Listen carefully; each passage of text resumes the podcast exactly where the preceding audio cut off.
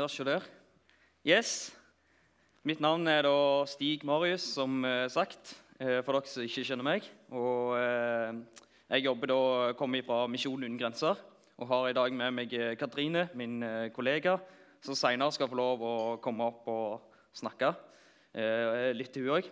I dag så syns jeg det var veldig godt å få komme her. Litt sånn eksamenstid og litt stress. Så syns jeg alltid det er godt å kunne komme på MUF og senke skuldrene litt. Så det håper jeg dere òg eh, syns. Eh, I dag så skal jeg snakke litt om eh, gode gjerninger og hva Jesus sier om gode gjerninger. Og litt ut ifra det. Og så skal jeg ta for meg bibelverset Matteus 25, vers 31-46. Så jeg håper dere henger med på det. Eh, og så var det sånn at når jeg skulle jobbe med denne talen, så googla jeg liksom litt eh, eh, gode gjerninger. Så kom jeg over et sånn eh, forum fra 2010 eh, hvor det står liksom hva, Har du gjort noen tilfeldige gode gjerninger i det siste? Så gikk jeg inn og leste der, og så eh, syns jeg det var mye spennende. litt sånn. Så jeg har lyst til å vise dere noen eksempler fra dette her, hva jeg fant på dette forumet fra 2010. Så det er den som skriver det. Nylig skaffa meg jobb på Kirkens Bymisjon for å enkelt og greit lage mat og prate med narkomane fordi de fortjener noen å prate med som har lyst til å høre. Så det er en annen som skriver hvis jeg sitter og venter på bussen, og det kommer en gammel dame slash mann, så reiser jeg meg sånn at de skal få plass. Samme på bussen òg. Jeg vet ikke hvorfor han skrev 'bussen' to ganger, men ja. Så det er en tredje her. Jeg kjøper lodd eh, av Lions i ny og ne. Hjulpet en fyr som har blitt pressa av veien av en trailer og kjørt i en fjellvegg. Kjørt en blakk dame hjem fra byen. Ja. Så er det videre. Da er det en eh, her som spiste middag med farmor her om dagen. Og jeg tok oppvasken og lagde kaffe til henne, sånn, og jeg ga henne en klem. Og så er det en annen her skriver Counter-Strike 1,6 i går. Eh, redda en spiller før han ble tatt av CT. Kasta flash. I det sosiale livet så har jeg ikke gjort så veldig stort på en stund, og da mener jeg i gode gjerninger. Men altså, jeg har gjort mye annet stort. da. Ja. Så er det min eh, personlige favoritt. Pappa lå sjuk på julaften, så jeg pakka opp gavene for ham. Og så er den siste her. Har vært gift med kjerringa i 20 år. Det må være en god gjerning. Ellers pleier jeg å gi noen så småspenn til. Så Nei, det er en uh, god blanding. Uh, og poenget med å vise dette her, det er da at uh, det fins mange måter å gjøre gode gjerninger på. Alle disse de syns jo at dette var gode gjerninger, og det var jo gode gjerninger. Men vi ser på gode gjerninger på forskjellige måter. Så eh, da har vi i hvert fall tatt oss for oss det. Men nå har jeg lyst til å se litt nærmere på hva Gud sier om eh, gode gjerninger, hva Jesus sier om gode gjerninger. Og dere som har Bibel eller mobilappen og har lyst til å ta opp den, så kan dere slå på Matteus 25, vers 31. Så når dere har fått opp den, så begynner vi bare å lese. Det fins òg mulighet for å lese på skjermen. så vi leser der. Men når menneskesønnen kommer i sin herlighet, og alle englene med ham, da skal han sitte på sin herlighetstrone, og alle folkeslag skal samles framfor ham. Han skal skille dem fra hverandre, like som gjeteren skiller sauene fra geitene. Han skal stille sauene med sin høyre side og geitene med sin venstre side. Så skal kongen si til dem på høyre side.: Kom hit, dere som er velsignet av min far, og ta arv i det rike som er gjort i stand for dere fra verdens grunnvoll blir lagt. For jeg var sulten, og dere ga meg mat. Jeg var tørst, og dere ga meg å drikke. Jeg var fremmed, og dere tok imot meg. Jeg var naken, og dere kledde meg. Jeg var syk, og dere så til meg. Eh, jeg var i fengsel, og dere besøkte meg. Da skal de rettferdige svare, Herre, når så vi deg sulten og ga deg mat? Eller tørst og ga deg å drikke? Når så vi deg fremmed og tok imot deg? Eller naken og kledde deg? Når så vi deg syk eller i fengsel og kom til deg? Og kongen skal svare dem, sannelig, jeg sier dere, det dere gjorde mot en av mine minste søsken, har dere gjort mot meg. Og Så kan vi lese videre fra vers 41 til 46. Så skal han si til dem på sin venstre side.: Gå bort ifra meg, dere som er forbannet til en evig ild, som er bredt for djevelen og englene hans. For jeg var sulten, og dere ga meg ikke mat. Jeg var tørst, og dere ga meg ikke å drikke. Jeg var fremmed, og dere tok ikke imot meg. Jeg var naken, og dere kledde meg ikke. Jeg var syk og i fengsel, og dere så ikke til meg. Da skal de svare han, også de, og si, Herre, når så vi deg sulten eller fremmed eller naken eller syk eller i fengsel og tjente deg ikke? Da skal jeg svare, sannelig, jeg sier dere, det dere ikke gjorde mot en av mine minste, det har dere heller ikke gjort mot meg. Og disse skal gå bort til evig pine, de, mens de rettferdige skal til evig liv. Så det vi skal få se her, det er en domsscene. Vi skal stille oss framfor Jesu domstol. Og akkurat så eh, gjeteren skiller sauene fra geitene, så skal Jesus òg skille de rettferdige fra de som skal bli dømt. Og eh, Før jeg går videre, så vil jeg si at dette er en eh, veldig utfordrende tekst eh, og eh, tar for seg eh, mye. Og, men jeg vil si at det er viktig å ta for seg hele helheten når vi først skal snakke om dette.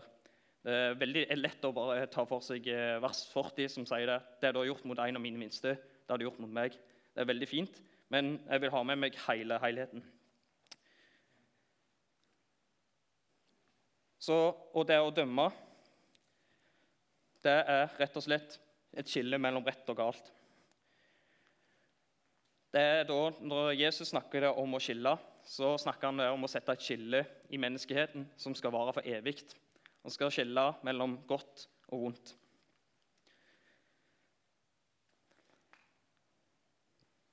Og det sier han også i eh, vers 32. Og alle folkeslag skal samles foran ham, og han skal skille dem fra hverandre, som en gjeter skiller sauene fra geitene. Og når Gud dømmer, da skiller han sitt eget folk fra, eh, evighet, altså til evigheten. Og når det er viktig å si at eh, når Gud dømmer, så er det ikke noe skummelt for oss, for oss som er kristne. fordi når han dømmer, så dømmer han synd og ikke synderen. Når han dømmer, så tar han et oppgjør mot synden. Og eh, det er viktig å si at eh, eh når han eh, eh, tar et oppgjør med synd, så tar han ikke et oppgjør med synderen. Så det er ingenting med det å gjøre. Sånn. Og Det er det, det vi leser i Johannes 3, 17-18. Eh, mange kjenner jo til Johannes 3, 16. Men i Johannes 3, 17-18 så står det for Gud sendte ikke sin sønn til verden for å dømme verden, men for at verden skulle bli frelst ved ham. Den som tror på ham, blir ikke dømt. Den som ikke tror, er allerede dømt fordi han ikke har trodd på Guds enbårne sønn, sønns navn. Så på den ene sida så skal eh, kongen si til dem Kom dere her, dere som er velsigna av min far. Arv det riket som er bredt fra dere, for verdens grunnvoll ble lagt. Og Så kan vi spørre oss hva er det disse her har gjort for å fortjene en sånn ærestittel. Jo, de har gitt mat og drikke til sultne. De har tatt imot og vært gode mot fremmede. De har gledd de fattige, og de har besøkt syke og de som satt i fengsel. Og Kanskje var det sånn at de var klar over at de hadde gjort disse gode gjerningene. Men de var kanskje ikke så klar over at når de gjorde disse gode gjerningene, så gjorde de det faktisk mot Gud sjøl. Så det kan være overraskende når Gud sier det, at eh, sannelig, jeg sier dere, det dere gjorde mot en av mine minste, det har dere gjort mot, mot sjøl meg. Og på den andre sida så sier han det at gå bort ifra meg, dere som er forbannet, til en evig ild som er beredt for djevelen og englene hans. Disse de får ingen invitasjon til å leve i evigheten. De må leve evigheten vekk fra Jesus. Og I dagens samfunn så blir det gjerne sett på å leve vekk fra Jesus, vekk fra kristendommen. Det blir gjerne sett på som friere mindre pliktfullt og gøyere. Det er kanskje at det, Når du velger å leve, så kan du få gjøre som du vil. Du kan kose deg. og du, eh, Det blir gjerne sett på som et eh, privilegium i dagens samfunn. Men en evighet uten Jesus det er alt annet enn godt. Det kan få fatale konsekvenser for evigheten. Så da kan vi spørre oss hvem er det vi må dømme, eller hvem vi må frykte. Og når Jesus seira over døden, så sier han det at jeg skal vise dere hvem, hvem dere skal frykte. Frykt for ham, Gud, som har makt til å slå i hjel og deretter kaste i helvete. Ja, jeg sier dere, han skal dere frykte. Og i Hebreerne 10,31 så står det òg det er forferdelig å falle i den levende Guds hender. Så det er godt å være omslutta av Gud når du har Jesus som frelser og herre.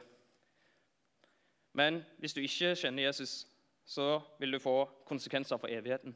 Og Det er derfor denne, dette kapittelet, eller det, dette bibelteksten eh, er så alvorlig. Fordi at det toucher ikke bare noe for dette livet, men toucher noe for hele evigheten. Og Det er derfor det rører i noe i oss.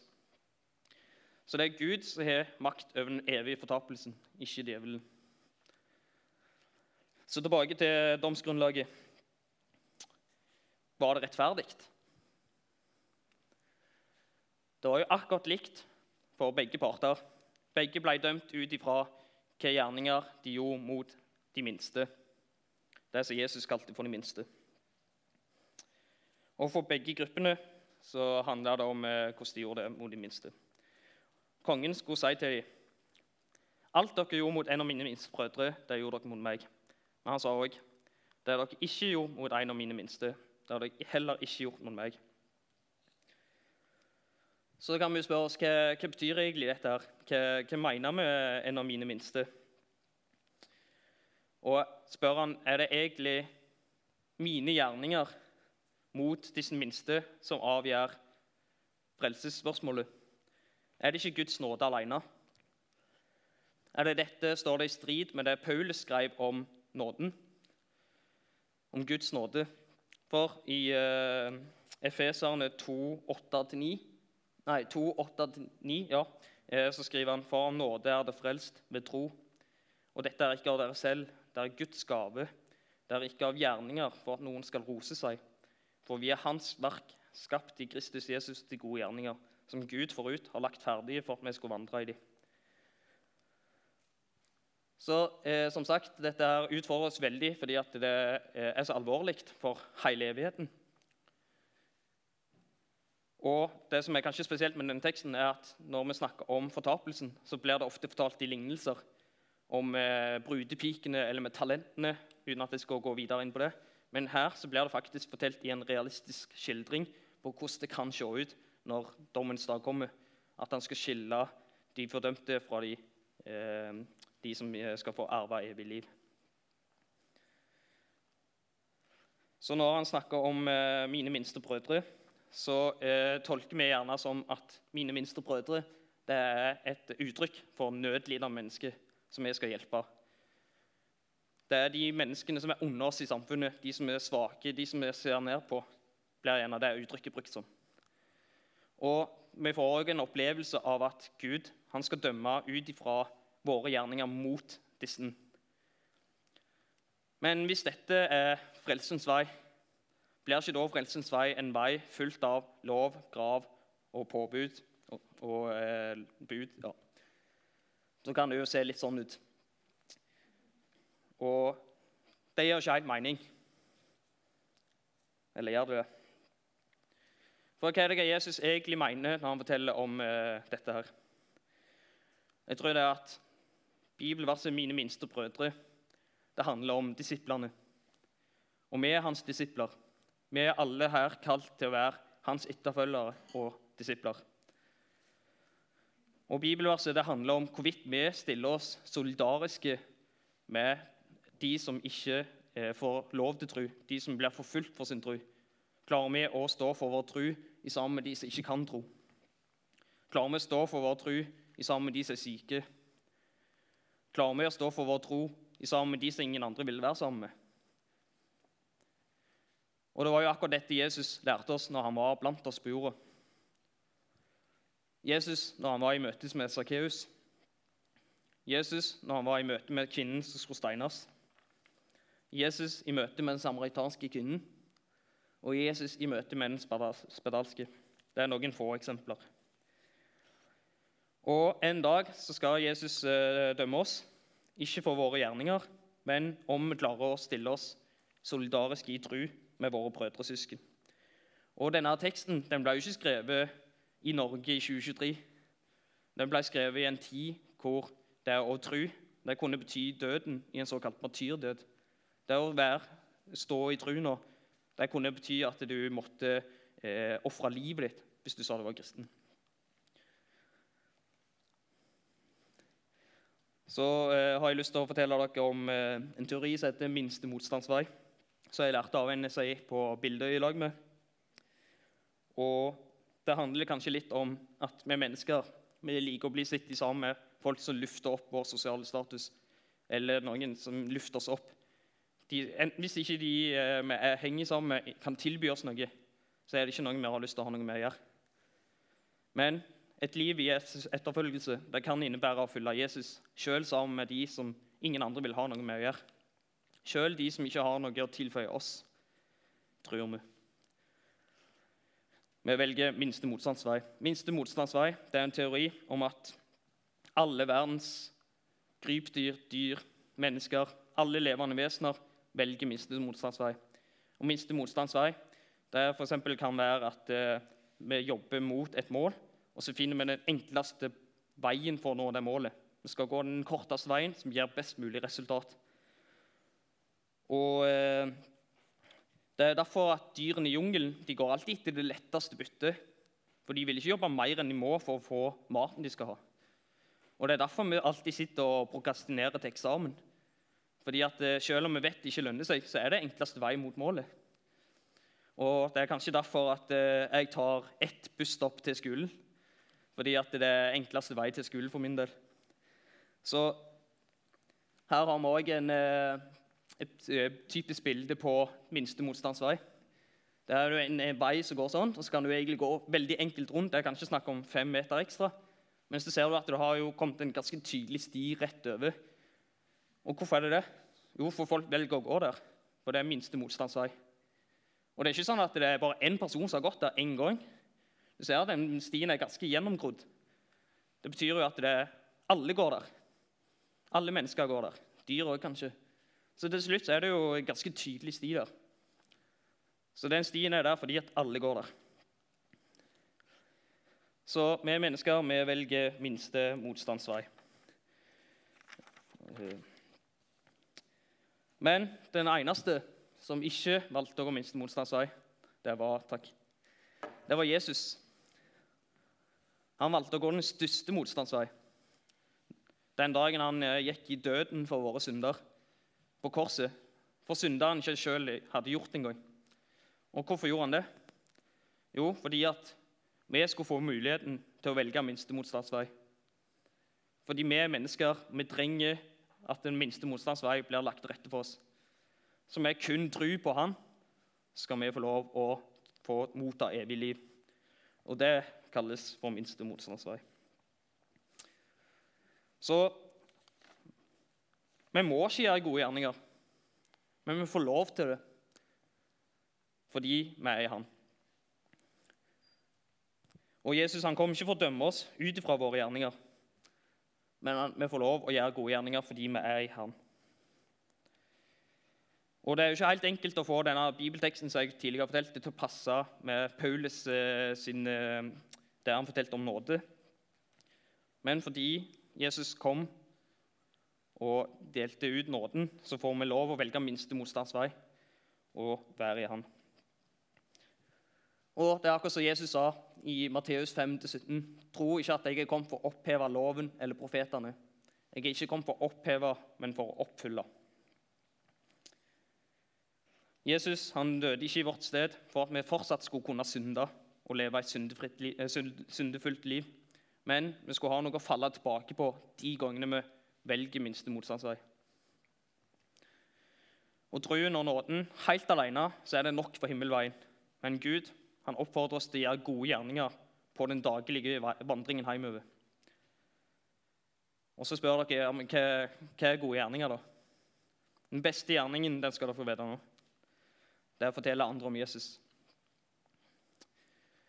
Og Håvard, som dere kjenner her, han var oppe litt tidligere. Han eh, skriver litt i saker fra Itro. Og skrev en sak her om eh, ville du tatt imot en gratis softis på gata.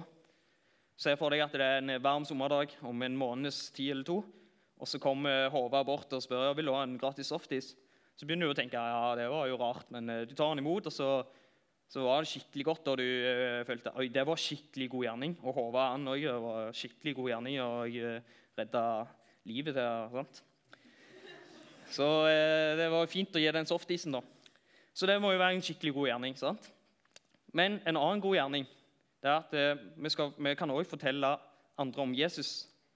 Vi kan fortelle faktisk om selve nøkkelen til evig liv. Og det beste av alt det er at han er gratis.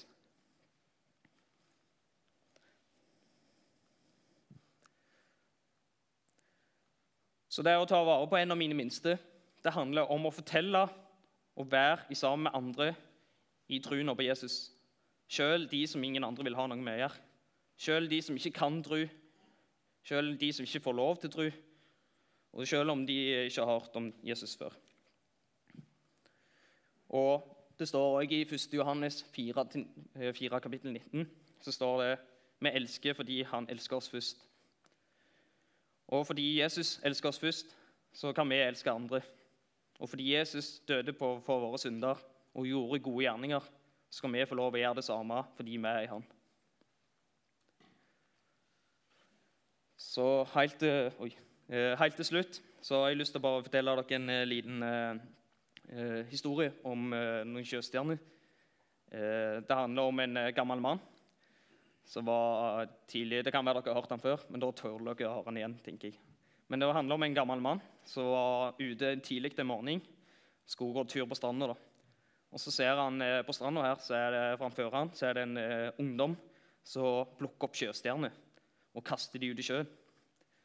Og Så blir han litt sånn nysgjerrig, den gamle mannen, så han går liksom bort og så spør han der ungdommen ja, men hva er det du holder på med. Og så sier ungdommen der nei, du ser det at disse der sjøstjernene der, hvis de ligger her når sola står opp, så tørker de ut og dør. Og så sier den gamle mannen at eh, ja, men det er jo tusener, om ikke millioner og milliardervis av disse sjøstjernene her på stranda. Hvordan kan du gjøre en forskjell for disse sjøstjernene? Så blir eh, den uh, ungdommen han blir litt sånn rolig, og så bøyer han seg ned, tar opp ei sjøstjerne, ser han på den, kaster han ut i sjøen. Og Så sier han det at det betyr en forskjell for den. Og jeg tror det at denne stranda her, det er et uh, bilde på verden. Og alle vi her inne, meg og deg, vi er plassert ut på forskjellige plasser på denne stranda og meg og deg, vi kan ha alle en forskjell på den plassen vi er på. Vi kan ikke gjøre en forskjell på alle, men alle vi kan bety en forskjell for den ene der vi er. Og Det var en eh, kompis av meg som sa det en gang at eh, det du gjør for deg sjøl, det dør med deg sjøl. Men det du gjør for andre, det varer evig. Sette gode spor i andre. Så eh, Før Katrine skal få lov å komme opp og si noe mer, så har jeg bare lyst til å vise en eh, video eh, om eh, Misjonen uten grenser sitt arbeid i, eh, i Øst-Europa. Det hele starta med bibelsmugling. I 1960 var all religion forbudt i Øst-Europa. Men mange ville gjerne høre Guds ord. Kommunismen forsvant, men fattigdommen ble igjen. Tre søsken vokste opp hos bestemor fordi foreldrene måtte utlandet for å arbeide. Ei fattig tenåringsmor strever med å forsørge babyen sin. De bor i et lite hus som er så dårlig at vi ikke engang ville brukt det som uthus. Dette skjer i Europa i dag.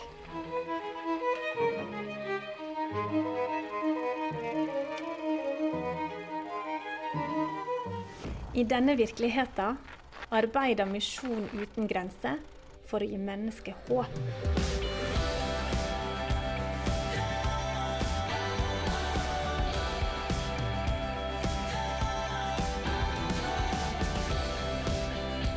Here we receive all the goods from abroad and deliver them to the poor families and children. I alt vi gjør, tror vi på å utfordre urettferdighet. Urettferdighet i at noen kjenner Jesus, mens andre ikke har hørt om han. Urettferdig fordeling, at noen har alt og andre ingenting. Vi tror at med litt hjelp så kan alle mennesker bli sjølhjulpne. I samarbeid med lokale menigheter gir vi hjelp over tid. Vi gir barn en trygg oppvekst, og vi gjør mennesket i stand til å forsørge seg sjøl. Støtte fra Norge gjennom fadderskap, materielle gaver og andre givertjenester utgjør en stor forskjell. Familiene og barna opplever at det er noen som bryr seg.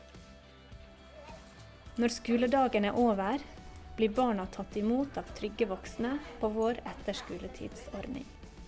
De gjør lekser, hører om Jesus, synger, leker og tegner. Her er det glede og godt å være. På Misjon uten grensers suppekjøkken lager frivillige mat til barna hver dag. For mange er dette det eneste måltidet de eter i løpet av en dag. Når sarmale står på menyen, er det fest. Den rumenske nasjonalretten med kjøtt, kål, ris og rømme smaker himmelsk. Nylig mista Maria og familien huset sitt i en dramatisk brann. De sto på bar bakke og hadde ingenting. Med hjelp fra Misjon uten grenser har de klart å bygge huset opp igjen. De har også fått materiell til drivhus og tregriser. Nå klarer de seg uten støtte. We see this ministry very important for the generation. That's why our vision is like this. The future is starting now. Gi dem en sjanse. Nestekjærlighet forandrer liv. Skal vi se her.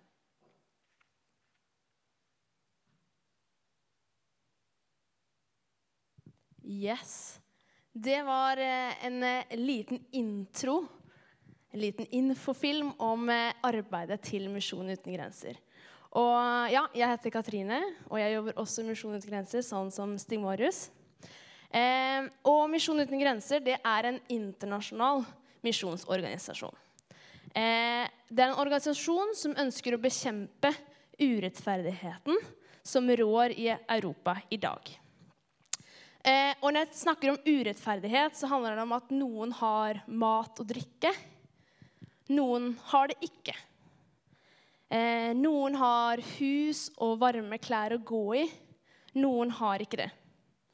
Noen har penger i overflod, mens noen lever i ekstrem fattigdom. Noen får lov til å gå på skole, andre får ikke det. Noen har foreldre som bryr seg, mens andre har ikke foreldre som er til stede.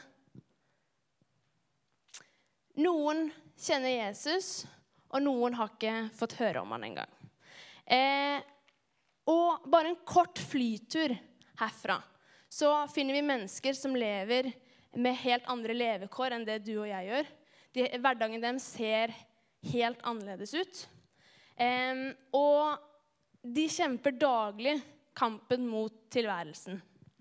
Og det er for og blant disse folka vi i Misjon uten grenser driver vårt arbeid. Det er blant de vi ønsker å være til stede. Som sagt, en liten flytur, så finner vi landa som vi arbeider i. Vi arbeider i Europas, eh, altså seks av Europas fattigste land. Det er Ukraina, Moldova, Romania, Bulgaria, Albania og Bosnia. Og vi er en organisasjon som ønsker å være til stede i alle stadier i livet. Så vi driver, som dere så på videoen, etter skoletidsordning, en slags SFO. Men vi er også i eldreomsorg. Vi driver eh, eh, rusomsorg, skole, søndagsskoler. Vi deler ut mat og klær. Men det aller viktigste oppdraget det er at vi ønsker å gi dem evangeliet. Vi ønsker at de skal få lov til å møte han det dreier seg om. Det viktigste vi kan gi dem, det er Jesus. Og så kan man stille seg spørsmålet hvilke problemer er det som finnes der ute i dag. Eh, og det er sånn at eh, Vi har brutte relasjoner. Eh, brutte relasjoner med at eh, familiene er eh, splitta. Eh, foreldre forlater barn eh, for å dra til andre land for å arbeide. Det er forholdet mellom eh, menneske og Gud de har lite tilgang på ressurser. Ressurser som vi tenker eh, er helt liksom hverdagslige. Mat og vann, strøm. Og de har ikke ting til å holde seg varme med, f.eks. ting til å fyre eller tenne på. Og mange er uten jobb. Det er stor fattigdom. De har dårlig hus. Dere så et lite klipp av det på videoen. Hus vi ikke engang ville kanskje brukt som bod eller eh, Ja. Eh, og som sagt så har de dårlig tilgang på vann og mat, eh, klær. Og det er jo ting vi ser på som en selvfølge i våre liv. Um, og så er det drop-out fra skolegang. I Øst-Europa, sånn som her hjemme, så er det gratis å gå på skole. Så alle har i utgangspunktet mulighet til det, men det koster å ha skolesaker. Og det har ikke alle råd til. Eh, foreldre velger å la barna bli igjen hjemme fordi de ikke har skolesaker. De tar de heller med på søppeldynga for å finne noe de kan spise, noe de kan eh, fyre med for å holde seg varme. Og går du ikke på skolen, så får du heller ikke utdanning, og det blir vanskelig å få seg jobb. Så det går i en sånn ond sirkel at du blir værende i fattigdommen. Det er også ekstremt vanlig med tidlig ekteskap. 16 år gammel. Er du ikke gift da, så er du tidlig ute. Så jeg, jeg vet ikke hvor mange her som eventuelt ville kjenne seg igjen at uh, da ligger vi litt sent altså Da er vi sent ute, da. Eh, og sånn skal det ikke være. Heldigvis så fins det håp. Det fins løsninger på disse problemene. Eh, og vi i Misjon uten grenser vi driver med nødhjelp. Vi ønsker å gi mat og klær. Eh, vi, vi, ønsker å gi mulighet til å gå på skole. Eh, vi deler ut skoleutstyr. Også så, så har vi en SFO-ordning, hvor barn får komme, få mat. Videoen sa også det at det kan være det eneste måltidet eh, barna får i løpet av en hel dag. Eh, og det er frivillige som står der dag ut og dag inn for å ta imot disse barna. Og det som har vært en sånn positiv ringvirkning av denne SFO-ordningen, blir det at det, eh, vi setter som krav at barna skal ha vært på skolen. For da eh, velger foreldrene å sende barn på skolen, for de vet at da kan de ettertid få komme og få mat. Så det blir en vinn-vinn-situasjon for foreldrene, for da føler de at de har fått forsørga ungen sin. Så ved at de går på skolen, så får de komme og bli tatt imot eh, av trygge voksne. Vi ønsker å hjelpe til å gjøre familier selvstendige. Som veldig mange andre organisasjoner så har vi fadderskap. Vi har fadderskap, at du kan investere i et barn. Men vi har også eh, mulighet for å være familiefaddere. Og jeg vet at en del av dere i dette rommet her er, er det, og det er veldig kult. Da velger man å investere i en familie på samme måte som et vanlig fadderbarn. Eh, og man er med dem på veien mot å bli selvstendige. Det handler om at eh, foreldre kanskje får eh, verktøy eller ting de trenger så de kan skaffe seg arbeid. På den måten få inntekt og kan ta vare på eh, familien sin. Eh, vi liker å bruke det bildet med at eh, jeg kan gi Håvard en fisk. Og det er kjempebra, for da har Håvard, Håvard han er mett i dag. Så da kan man liksom sjekke av på den. Men hvis jeg lærer Håvard å fiske, så kan han holde seg mett hver dag. Og når han har lært seg å fiske, så kan han hjelpe de andre rundt seg til å gjøre det samme. Så ved å investere i én familie at de blir selvstendige, så blir det ringvirkninger i samfunnet. Da. Det er en slags dominoeffekt, så det er veldig kult. Eh, og vi ønsker å gi det Jesus. Alle som er med i eh, ordningen vår, de som kobles på Misjon uten grenser, de blir invitert med i et fellesskap. Sånn som eh, MUF er et fellesskap, får de lov til å komme til en kirke, eh, høre evangeliet, be sammen.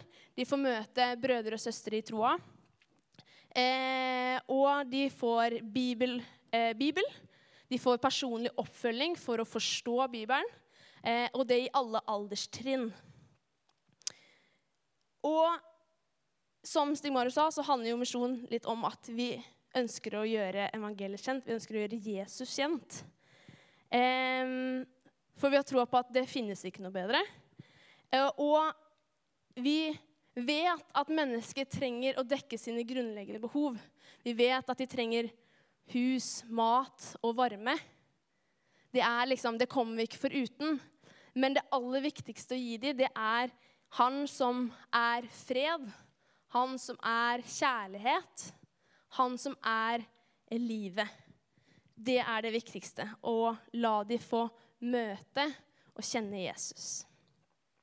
Og fordi vi ønsker å gjøre begge deler, så sier vi at vi gir evangeliet på to måter. Vi gir det altså i begge hender. Vi gir det i ord. Vi får Gudsordet. Men vi gjør det også i gjerning, i form av de materielle tingene vi trenger. Det eh, Vår visjon det er eh, at uh, vårt kall er å omfavne, styrke og utruste mennesker i Øst-Europa, slik Jesus har bedt oss om å gjøre. Vi møter mennesker med verdighet, gir omsorg og går sammen med dem på veien mot å klare seg sjøl.